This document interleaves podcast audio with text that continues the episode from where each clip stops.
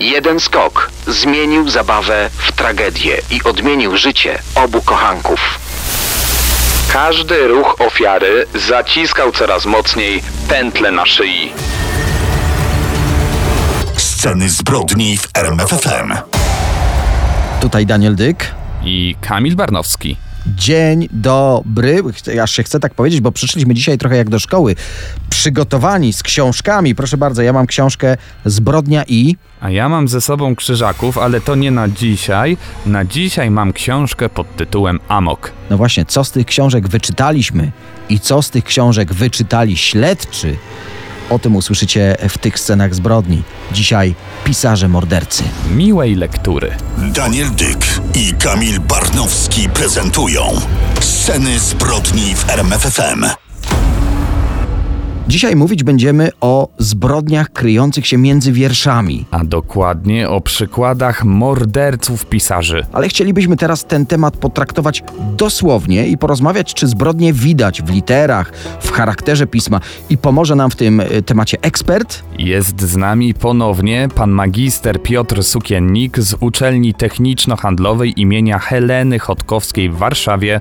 Dobry wieczór. Kłaniam się wszystkim Państwu. Witamy. Od razu pytanie, co możemy wyczytać właściwie z analizy charakteru pisma? Analiza pisma y, wiąże się z tym, że musimy sobie przyjąć zasadę tego, co tym pismem będziemy dziś mm, traktować y, w sensie rozpatrywanego zagadnienia. Czy jest to sporządzony dokument na komputerze, czy jest to sporządzony dokument y, techniką ręczną na papierze. No nie sądziliśmy, że można analizować także charakter pisma komputerowego. Analiza tych zagadnień, o których mówimy, jeśli chodzi o treść w komputerze wyrażoną, nie tyle charakter i wygląd tego pisma będzie nam sugerował pewne rozwiązania i poglądy, ale treść, sposób budowy wypowiedzi, charakter używanych y, zagadnień, wskazywanych y, powiedzmy sobie sformułowań, jakiejś y, gwary, która jest tutaj wykorzystywana.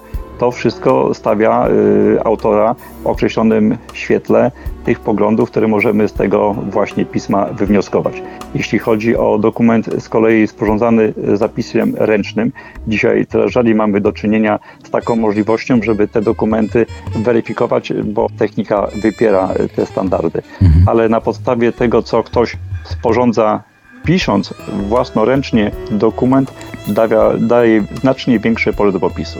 No to czego możemy się dowiedzieć? Zakładając, że nie użył formy y, ona, on, możemy poznać, czy to jest mężczyzna, czy kobieta? Zdecydowanie myślę, że po wyglądzie charakteru tego, co pismo ręczne niesie w tych sugestiach, można z dużą dokładnością wskazać właśnie płeć, wiek, temperament, charakter, być może to, czy jest to osoba, która ma y, określony poziom wykształcenia. Myślę, że dla osób, które y, często te analizy wykonują, jest to doskonały materiał poglądowy, dzięki któremu mogą wiele wniosków faktycznie postawić. A czy pisanie lewą ręką może utrudnić odkrycie prawdziwej tożsamości przestępcy? Powiem panu tak, zmiana ręki piszącej nie jest specjalnym utrudnieniem z racji analizy takiego dokumentu. Wiąże się to bowiem z tym, że pobieramy próbki od osób, które są poddane tej weryfikacji i są te próbki pobierane w różnym kontekście. Powiedzmy, że będzie to pobierana próbka od osoby, która siedzi przy biurku, od osoby, która stoi, czy na przykład właśnie pisana lewą ręką bądź prawą ręką.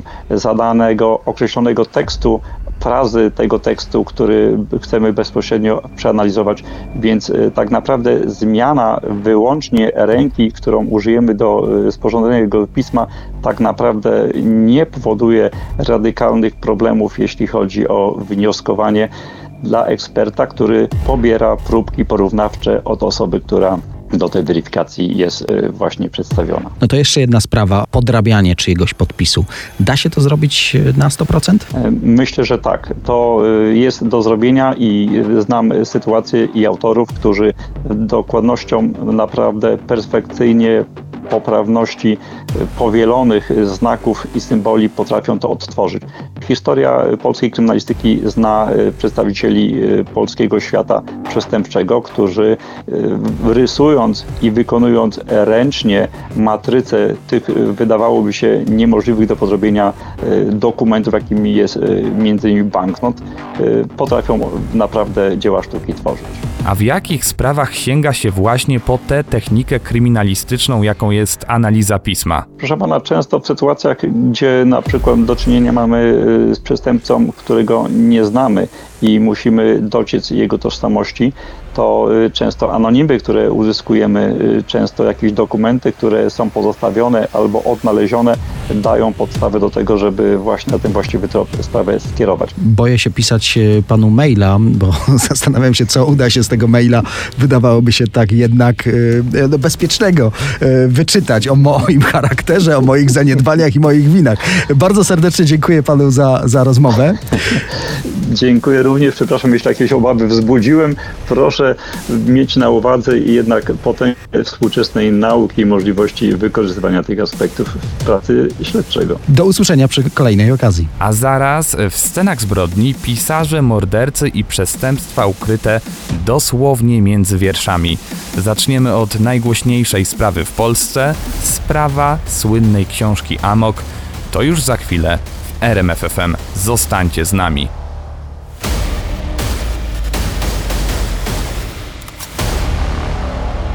Dzisiaj skupiamy się na pisarzach mordercach, więc teraz najbardziej znany w Polsce Krystian Bala. Jest 13 listopada 2000 roku. Dariusz J., właściciel agencji reklamowej we Wrocławiu, przepada bez śladu. Jego współpracownicy twierdzą, że w dniu zaginięcia ma umówione spotkanie z klientem. Co zastanawiające, nie jedzie na to spotkanie samochodem tak jak robił to zawsze. Bierze ze sobą tylko teczkę z firmowymi gadżetami i wychodzi. Miesiąc później, w okolicach Chobienia, czyli około 80 km od Wrocławia, wędkarze znajdują w Odrze ciało Dariusza J. Mężczyzna miał związane sznurem ręce i nogi w tak zwaną nietypową kołyskę. Był tak związany, że każdy ruch ofiary zaciskał coraz mocniej pętle. Sekcja wykazała, że rany na głowie są spowodowane uderzeniem tępym narzędziem. Na szyi znaleziono ślady po duszeniu. Wszystko wskazuje na to, że był torturowany, był bity i głodzony. Dariusz J. najprawdopodobniej jeszcze żył, gdy wrzucono go do rzeki. Śledczy początkowo byli przekonani, że to jakieś gangsterskie porachunki. Sposób obchodzenia się z ofiarą bardzo mocno na to wskazywał. Nie znaleziono natomiast żadnych świadków, konkretnych śladów mordercy, ani nie ustalono motywu zbrodni. O sprawie zabójstwa Dariusza J. zaczęto mówić jako o zbrodni doskonałej. I tak, ze względu na brak postępów w dochodzeniu, śledztwo umorzono ale do sprawy wrócono. Po pięciu latach, wtedy w 2005 roku, specjaliści z Wydziału Zabójstw skupili się na zagubionym telefonie ofiary. No i trzeba przyznać, że był to taki no, dosłownie strzał w dziesiątkę. Żona Dariusza J. zachowała na szczęście rachunek za komórkę, na którym to rachunku znajdował się taki indywidualny numer identyfikacyjny. Każde urządzenie ma taki yy, niepowtarzalny, wyjątkowy, powiedzmy numer seryjny. I tak śledczy znaleźli ten telefon w Pruszkowie. Nowy właściciel powiedział, że kupił komórkę na aukcji internetowej. Jak miało się później okazać, sprzedającym był Krystian Bala. Telefon został sprzedany dokładnie 4 dni po zniknięciu Dariusza J. No, wszystko wskazuje na to, że sprzedający komórkę musi mieć coś wspólnego z tą sprawą. Powiedzmy więc, kim jest Krystian Bala? Rocznik 74, student Uniwersytetu Wrocławskiego, całkiem zdolny. W 97 roku właśnie tam ukończył filozofię. Początkowo myślał nawet o doktoracie, w końcu jednak założył firmę zajmującą się sprzątaniem galerii handlowych i agencję reklamową. W biznesie jednak nie szło mu już tak dobrze jak na uczelni. Obie firmy zbankrutowały w 2000 roku. Natomiast jeśli chodzi o życie prywatne, to ojciec i mąż. Jednak jego związek rozpadł się zaraz po upadku jego biznesów. Rozwód spowodowany był najprawdopodobniej romansami Bali. I tak, po nieudanej przygodzie z biznesem i rozpadzie małżeństwa, Krystian Bala zaczął żywot podróżnika. Zwiedził niemal całą Europę, sporą część Azji i USA, a oprócz podróżowania, ważną częścią jego życia było pisanie. Efektem tego była brutalna, erotyczna książka pod tytułem Amok, wydana w 2003 roku. I to właśnie ta książka była początkowo ważnym dowodem poszlakowym w tej sprawie. Śledczy byli przekonani, że główny bohater książki to tak naprawdę odzwierciedlenie osobowości autora. Bala, tak jak książkowy Chris, prowadzi bogate życie erotyczne. Na jego komputerze znaleziono nawet listę kobiet, z którymi sypiał, razem z dokładnym opisem tych okoliczności. Podobieństw między nimi jest wiele więcej, ale zostawmy na moment książkę. Śledczy ustalili, że żona Krystiana Bali spotykała się z zamordowanym Dawidem J. Znajomi kobiety potwierdzali, że Bala był o nią chorobliwie zazdrosny, nawet po rozwodzie. Na tym nie koniec. Krystian Bala zamówił w agencji Dariusza J. billboardy reklamowe i zalegał z płatnościami. Oprócz tego dzwonił do swojej przyszłej ofiary z budki telefonicznej. Znaleziono również u niego kartę telefoniczną, z której wykonywał te połączenia. Z tej karty dokładnie wykonano 35 połączeń, z czego 30 do osób, które znały oskarżonego, no do kolegów, do koleżanek. W mieszkaniu Bali znaleziono też gadżety z firmy Dariusza J., które miał ze sobą właśnie wtedy, gdy po raz ostatni wychodził z firmy. Dodatkowo na komputerze oskarżonego znaleziono plik, w którym zbierał informacje na temat domniemanego kochanka swojej, podkreślamy, byłej żony. Ważną rolę w tym śledztwie odegrał również program 997. Pewnego dnia tematem odcinka stało się morderstwo Dariusza J. Po emisji odcinka na stronie internetowej opublikowano artykuł na ten temat. Proszono o kontakt każdego, kto ma jakiekolwiek informacje na temat tej sprawy. I właśnie pod artykułem zaczęły pojawiać się różnego rodzaju komentarze. Sprawdzono numery IP jednego z użytkowników, który się tam wyróżniał. Lokalizacje pokrywały się z miejscami, po których podróżował Christian Bala. Były to często dość egzotyczne lokacje, takie jak Malezja, Filipiny, Wietnam. To nie mógł być przypadek. Wróćmy jeszcze do wspomnianej książki Amok. Tam często poruszany był motyw pętli i sznura. Przypomnijmy, Dariusz J. zginął właśnie w taki sposób. Bohater książki zabija kobietę za pomocą japońskiego noża, który potem sprzedaje na aukcji. Tutaj mamy sprzedany telefon marki Nokia. Według śledczych Krystian Bala podczas pierwszych przesłuchań miał przyznać się, że to on zamordował Dariusza J., ale potem odmówił podpisania tych zeznań. Finał tej bezprecedensowej sprawy ma miejsce oczywiście w sądzie. Proces o charakterze poszlakowym. Przedstawiono tam 14 kluczowych dowodów w tej sprawie. Ostatecznie książka Amok jednak na tej liście się nie znalazła. Powiedzmy też, że Krystian Bala zgodził się na badanie wykrywaczem kłamstw. Urządzenie odnotowało emocjonalne reakcje na pytania o zamordowanego mężczyznę. Oskarżony nie miał też żadnego wiarygodnego alibi na czas porwania i zabójstwa Dariusza J. W 2009 roku Krystian Bala został skazany na karę 25 lat więzienia za zabójstwo ze szczególnym okrucieństwem.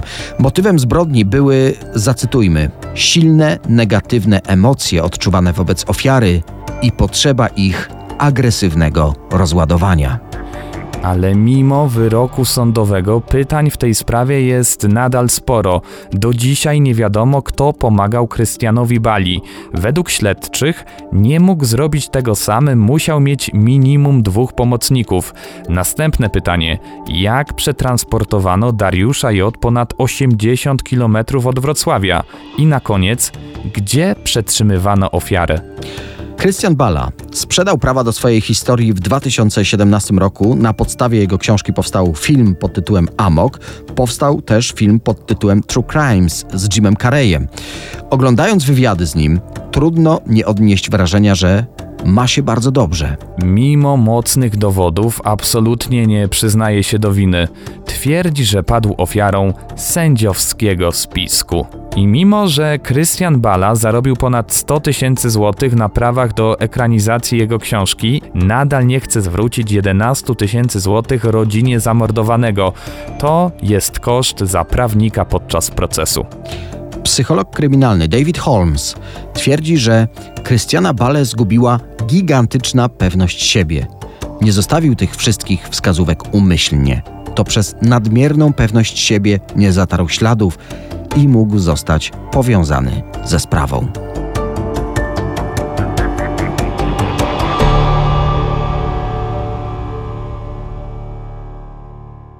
Teraz czas na Ann Perry, znaną autorkę wielu kryminalnych książek.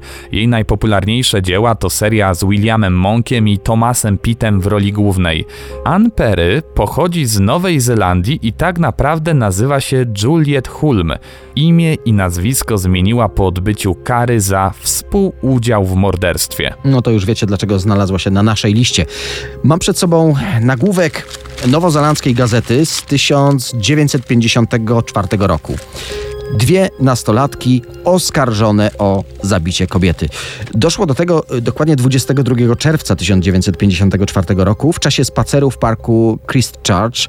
Juliet Hulm zamordowała wtedy 44-letnią Honore Parker. Zresztą w zabójstwie pomagała jej najlepsza przyjaciółka i zarazem córka zamordowanej, Pauline Parker. Dziewczyny do zabójstwa wykorzystały cegłę owiniętą w pończochę, którą kilkakrotnie uderzyły matkę Polin w głowę. Przyjaciółki próbowały jeszcze zmylić śledczych, twierdząc, że Honora Parker spadła z mostu i uderzyła głową o beton. Ich wersja została szybko rozpracowana przez śledczych. W okolicy szyi zamordowanej znaleziono szarpane rany, które nie mogły powstać podczas upadku. Dodatkowo policjanci znaleźli w parku narzędzie zbrodni, czyli wspomnianą, zakrwawioną cegłę. Dodajmy, że w momencie zabójstwa morderczynie miały zaledwie po 16 lat a zabójstwo było bardzo dokładnie zaplanowaną zbrodnią. Jaki był więc motyw tego bestialstwa? Dziewczyny od młodości cierpiały na bardzo poważne choroby. Juliet na zapalenie kości i szpiku, a Pauline na gruźlicę. To właśnie te przypadłości zdrowotne bardzo je do siebie zbliżyły. Nie rozstawały się praktycznie na krok. W pewnym momencie ich relacja była tak intensywna, że rodziny dziewczynek obawiały się, że Juliet i Pauline są parą. Dlaczego obawiały się? No, homoseksualizm w latach 50. w Nowej Zelandii był uważany za chorobę psychiczną. W 1954 roku małżeństwo rodziców Juliet rozpadło się. No i dlatego Juliet ze względu na swoje problemy zdrowotne miała wyjechać do RPA, zupełnie inny kontynent pół świata dalej. Nastolatki były zrozpaczone takim obrotem spraw, no i nadchodzącym rozstaniem. Dodatkowo wiedziały, że matka Pauline nie pozwoli swojej córce wyjechać z koleżanką do RPA, dlatego postanowiły usunąć osobę, która stała na ich drodze do szczęścia. Po morderstwie, które miało wyglądać na wypadek, planowały dotrzeć do USA, gdzie chciały pracować jako scenarzystki w przemyśle filmowym. Ewidentnie tutaj już wszystko miały zaplanowane. Proces małoletnich morderczyń był gigantyczną sensacją w Nowej Zelandii. Gdyby dziewczyny były pełnoletnie, no to z pewnością zostałyby skazane na karę śmierci. W tym przypadku jednak zostały skazane jedynie na 5 lat pozbawienia wolności. Ostatecznie więzienie rozdzieliło nierozłączną parę. Po pierwsze, spędzały wyrok w różnych placówkach, a potem życie rozłączyło je już na dobre. Pauline Parker zrozumiała, jak poważnej zbrodni się dopuściła i przez ponad 40 lat izolowała się od ludzi. W końcu zmieniła tożsamość i w 96 roku wróciła do Anglii. Za to y, Juliet Hulm, jak już wiecie, została popularną pisarką znaną jako Ann Perry a historia mordujących nastolatek stała się inspiracją dla wielu filmów i sztuk teatralnych. Chyba najpopularniejszą produkcją jest nominowany do Oscara film z 1994 roku pod tytułem Niebiańskie istoty.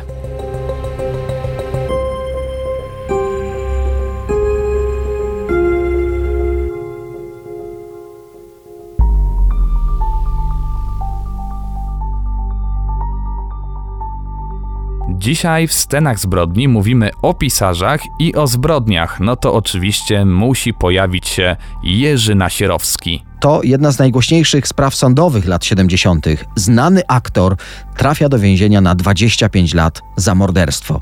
W więzieniu pisze książkę, która stała się obyczajowym skandalem, mimo że cenzura obcięła połowę tej najbardziej kontrowersyjnej treści. Książka stała się bestsellerem, 70 tysięcy egzemplarzy wyprzedało się z dnia na dzień. Po książkę ustawiały się kolejki dłuższe niż po wędliny przed świętami. Władze nie zgadzają się na dodruk, więc książki odsprzedawane są z z drugiej ręki na targowiskach z przebiciem pięciokrotnym, ale w tej sprawie nic nie jest takie oczywiste. Jak to u nas może po kolei? Jerzy Nasierowski. Pierwszy spektakl teatralny w 57 roku, w pierwszym filmie wystąpił w roku 58. Jego kariera się rozwija, charakterystyczna twarz, kolejne propozycje i teatralne, i filmowe, po prostu rosnąca popularność wzorcowo. Ale życie prywatne to skandal jak na czasy PRL-u. Jerzy Nasierowski stracił głowę dla młodszego o 19 lat od siebie montera instalacji sanitarnych. Po prostu hydraulika. W dodatku dzisiaj powiedzielibyśmy także bad boy. Wtedy prasa nazywała go inaczej, bo chuliganem. Andrzej Rukuszewicz karany był m.in. za, i tutaj cytuję, znieważenie funkcjonariusza publicznego, dostał wtedy 6 miesięcy więzienia. Gdy się poznali, młody, gniewny, nieznany chłopak i popularny aktor żyjący dostatnio, robiący coraz większą karierę, zdaje się, że wzajemnie się fascynowali. Nasierowski dowiedział się, że jego kochanek dorabia sobie do zawodu hydraulika w mniej legalny sposób. Po prostu włamuje się do mieszkań. Jako, że Nasierowski miał wielu znajomych, wpływowych, a więc i majętnych, zaczął wystawiać swojemu partnerowi coraz to ciekawsze mieszkania. Po jakimś czasie sam zaczął brać udział w skokach. Podobno nie dla pieniędzy, a tu znowu zacytuję, dla romantycznej przygody. Dla hydraulika to był sposób na biznes, dla aktora to była zabawa, dreszczyk emocji. Jednak jeden skok zmienił tę zabawę w tragedię i odmienił życie obu kochanków. Na ten tragiczny skok Andrzej Rukuszewicz poszedł bez Nasierowskiego, włamał się ze swoim wspólnikiem Maciejem Banasiem do mieszkania słynnej aktorki Miry Zimińskiej. Mira Zimińska, wielka gwiazda kina międzywojennego, to ona założyła po wojnie Państwowy Zespół Ludowy Pieśni i Tańca, znany dzisiaj jako Zespół Mazowsze. Ale wróćmy do skoku. Pod nieobecność gwiazdy w domu włamywacze zastali tam jedynie jej gosposie. Zakneblowali starszą panią, ale zrobili to tak gwałtownie i tak mocno, że kobieta zmarła. Milicja błyskawicznie zatrzymała sprawców, ale nie byli to ani wspomniany hydraulik, ani jego wspólnik, ani mający kierować tymi kradzieżami Jerzy Nasierowski. Zatrzymano trzech chłopaków z poprawczaka, następnie brutalnymi przesłuchaniami i powiedzmy to wprost, torturami wymuszono przyznanie się do winy. Po prostu pasowali idealnie do tej zbrodni.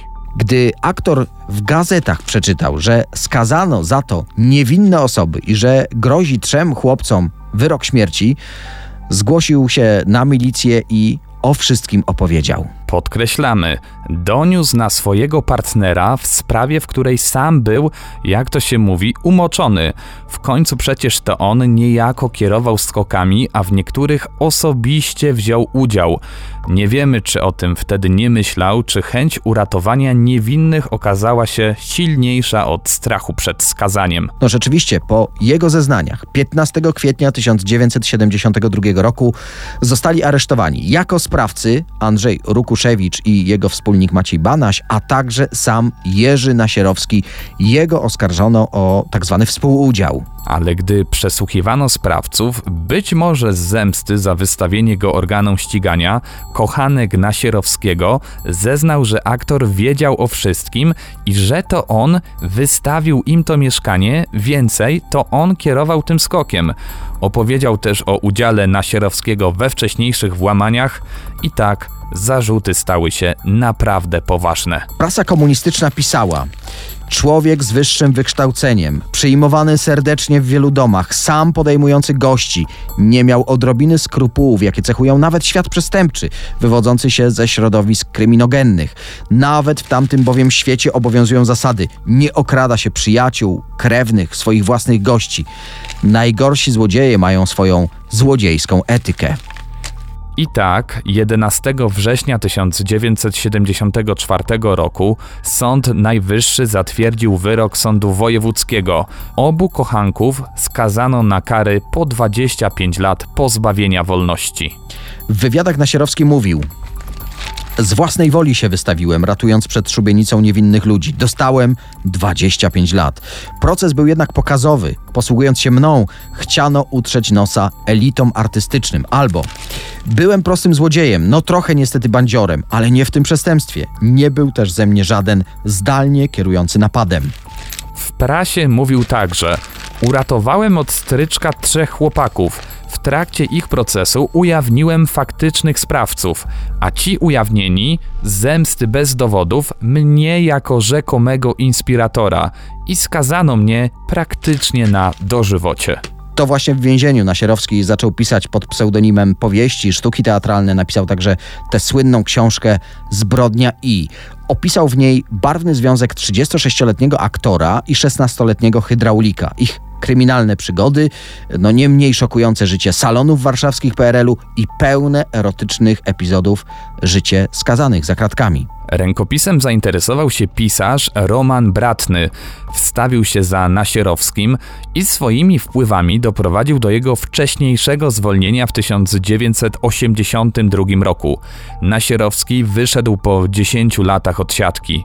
Bratny też na podstawie przeżyć aktora napisał swoją książkę w 1983 roku pod tytułem Rok w trumnie ale Bratny stał też za wydaniem książki Zbrodnia i, e, mimo że była bardzo niewygodna dla ówczesnego systemu. 800 stron, z czego cenzura wyrzuciła połowę. I to, co zostało, i tak stało się skandalicznym bestsellerem 88 roku. Cały nakład, 70 tysięcy sztuk, rozszedł się w dwa dni. Dodajmy, że po wyjściu z więzienia Nasierowski wrócił do aktorstwa, grał w teatrze, występował w filmach, między innymi zagrał epizod w kultowej komedii Chłopaki nie płaczą. A całkiem niedawno wystąpił w teledysku Quebo na Fide pod tytułem Matcha Latte.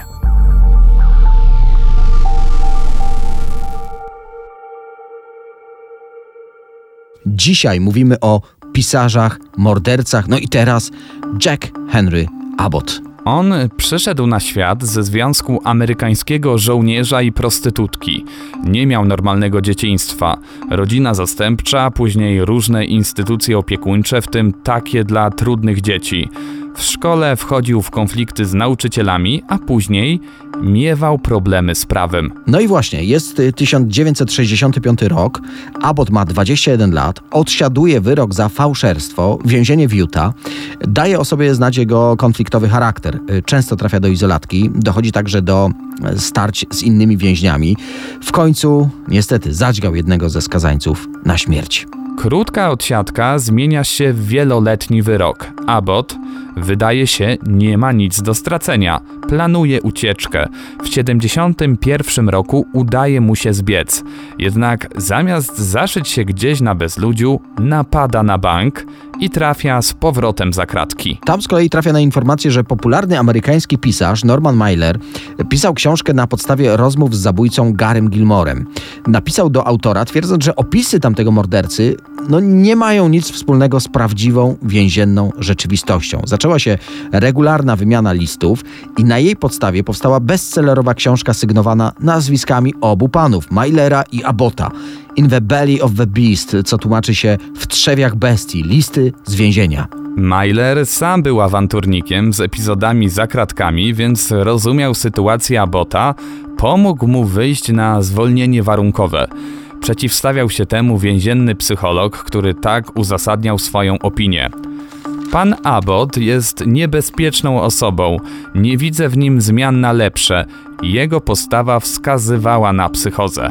Więzienni funkcjonariusze zgadzali się z tym, ale sami rozumiecie, co znaczy popularność w Ameryce. Abbott wyszedł na wolność w czerwcu 1981 roku. Zamieszkał w Nowym Jorku, dostał pracę na polu naftowym, a jego kolega po piórze Myler wprowadzał go w literackie kręgi swoich znajomych. Popularność, rosnący rozgłos medialny. No, zaczęło się życie jak z bajki. Ale ta bajka skończyła się po sześciu tygodniach na wolności. Abbott z dwiema nowymi koleżankami wybrał się na śniadanie do małej knajpki na Manhattanie. Podczas posiłku zapytał kelnera o toaletę, ale ten odpowiedział mu, że jest tylko taka dla personelu. Gościom wstęp wzbroniony. Abotowi ten pretekst wystarczył, wywabił kelnera do alejki przy knajpie i tam zadźgał go na śmierć. Kolejny proces był spektaklem medialnym roku 82. Za Abotem wstawiały się m.in. takie sławy jak aktorka Susan Sarandon, czy na przykład polski pisarz Jerzy Kosiński. Po latach zarówno Kosiński, jak i przede wszystkim Mailer przyznali, że to był wielki błąd. Mailer twierdził, że był tak bardzo pod urokiem talentu pisarskiego Abota, że nie zauważył jego prawdziwej, morderczej natury. W więzieniu Abbott napisał kolejną książkę i cały czas starał się o kolejne zwolnienie warunkowe, ale jego wnioski były odrzucane m.in. ze względu na kolejne konflikty w więzieniu i co bardzo istotne, brak wyrzutów sumienia. Ostatecznie 10 lutego 2002 roku Jack Abbott powiesił się w swojej celi.